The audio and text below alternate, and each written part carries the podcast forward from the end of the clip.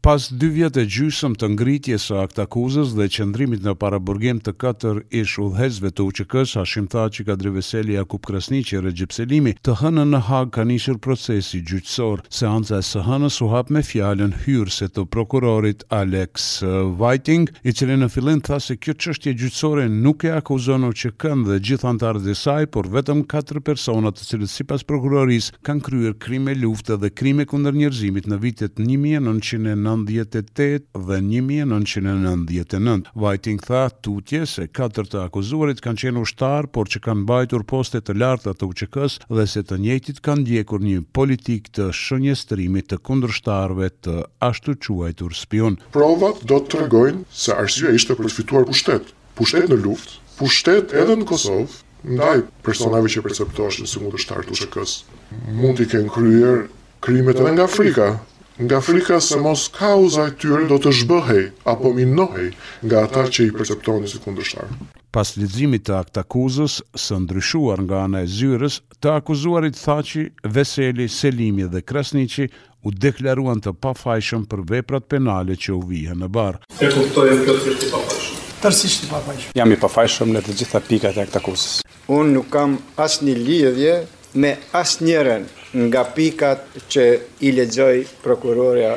Prokurori i çështjes Matt Halling duke e komentuar mënyrën e organizimit të UÇK-së sqaroi se shtabi i përgjithshëm, Ishte krijuar qysh në vitet e nëntëdhjeta, më tej në seancë është shfaqur deklarata e Thaçit, e Selimit dhe Fatmir Limajt ku flitet për strukturën e UÇK-së. UÇK-ja buroi nga Lëvizja Popullore e Kosovës, LPK, e cila besonte se liria për shqiptarët mund të fitohej vetëm përmes forcës. Kjo ishte në kundërshtim me qasjen e Lidhjes Demokratike të Kosovës, LDK, dhe kryetarin e saj Ibrahim Rugova, e cila ishte partia politike dominuese në Kosovë aso kohe dhe mbështeste politikën e rezistencës jo të dhunshme ndaj shtetit serb.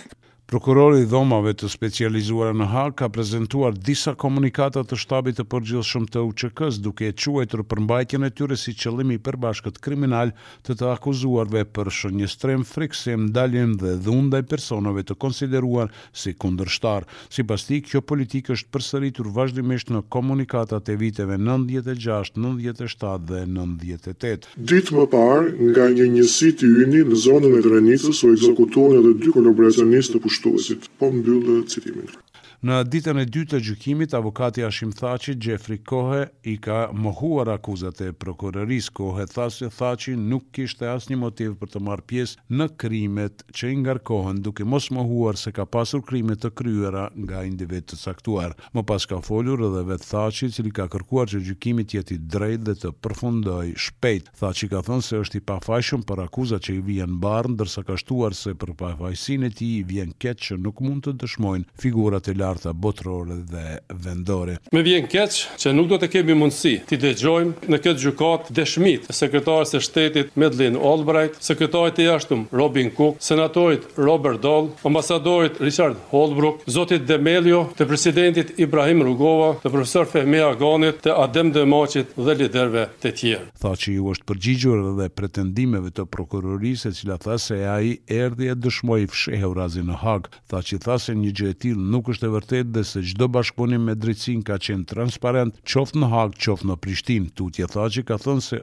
është i kënaqur që procesi ka dëshmuar se nuk ka pasur trafikim organesh nga UÇK-ja. Bota tani e di, sot, si rezultat i këtij procesi, se nuk kishte trafik organesh dhe se Shtëpia e Verdhë nuk kanë ekzistuar kurrë. Tani e dimë se edhe unë, edhe Ushtria Çlirimtare e Kosovës, edhe populli i Kosovës dhe gjithë shqiptarët jemi shfajësuar nga këto akuza. E vërteta është thënë dhe reja e zezë mbi Kosovën është hequr. Në orët e pasdites të së martës, para gjykatës është paraqitur mbrojtja e Kadri Veselit. Avokati Ben Emmerson ka thënë se Prokuroria në Speciale nuk e ka asnjë dëshmi që mund të vërtetojë se Veseli ka qenë pjesë e ndonjë ndërmarrje kriminale. Ai ka thënë se kur Veseli ishte emëruar shef i Inteligjencës, ai ka qenë jashtë Kosovës dhe se në atë kohë punonte me shtetin e Shqipërisë dhe shtetet anëtare të NATO-s për të dëshmuar krimet e kryera nga serbët. Seanca ka vazhduar me fjalimin e Rexhep Selimit, i akuzuar për krime lufte nga Specialja. Ai ka thënë se nuk ka frikë nga drejtësia, por nga padrejtësia.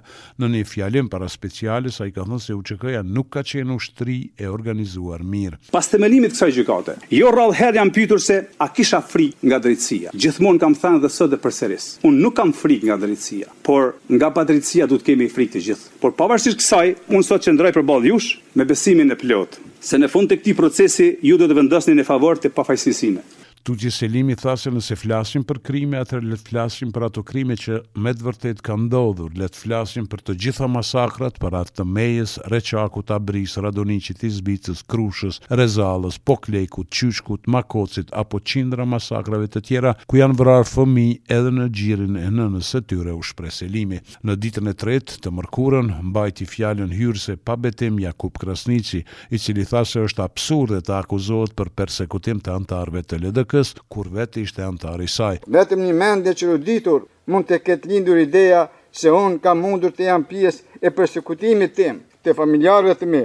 dhe bashkëmendimtarëve dhe bashkëluftëtarëve të mi. Krasniqi tha se si zëdhënës i UÇK-së roli i tij ishte që ta paraqesë si strukturë të mirëorganizuar, por sipas tij kjo duhet parë si propagandë për të afirmuar luftën çlirimtare të UÇK-së. Në rolin tim si zëdhënës i UÇK-së jam përpjekur të krijoj përshtypje se jemi një strukturë e organizuar mirë, sepse kjo ishte mënyra e vetme për të mbajtur gjallë shpresat për një rezistencë të mirëfilltë, Ndryshe, sipas kalendarit të Dhomave të Specializuara, seanca e radhës pritet të mbahet më njëmbëdhjetë prill. Në Bruksel është mbajtur takimi trepalësh në mes kryenegociatorit të Kosovës, Besnik Bislimi dhe atij të Serbisë, Petar Petkoviq, me emisarin e posaçëm të Bashkimit Evropian për Dialogun, Miroslav Lajçak pas takimit, është deklaruar zëvendëskryeministri i Kosovës, Besnik Bislimi. Pati një dakordim fillestar që takimi i radhës me nivelin e lartë politik të mbahet me datën njëzet e dy prill, mirëpo në momentin e fundit nuk është edhe aq i sigurt, presidenti i Serbisë nuk është i gatshëm ose nuk mund të vijë me këtë datë, kështu që jemi duke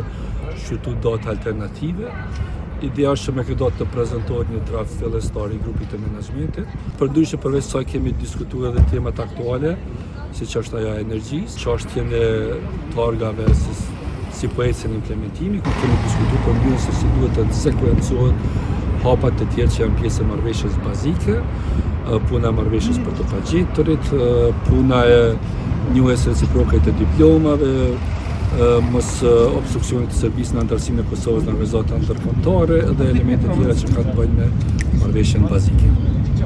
Agjencia e Kosovës për Inteligjencë ka informacione që në Rashkë të Sërbisë po zhvillohen stërvitje që kanë për qëllim destabilizimin e veriut të Kosovës, ka bërë të ditur Ganimete Musliu, kryetare e Komisionit për Mbikëqyrjen e AKI-së. Musliu tha se informacionin e ka dhënë drejtori i AKI-së, Petrit Ajeti gjatë raportimit në këtë komision. Për Radion SBS, Mendu Hysa, Prishtinë.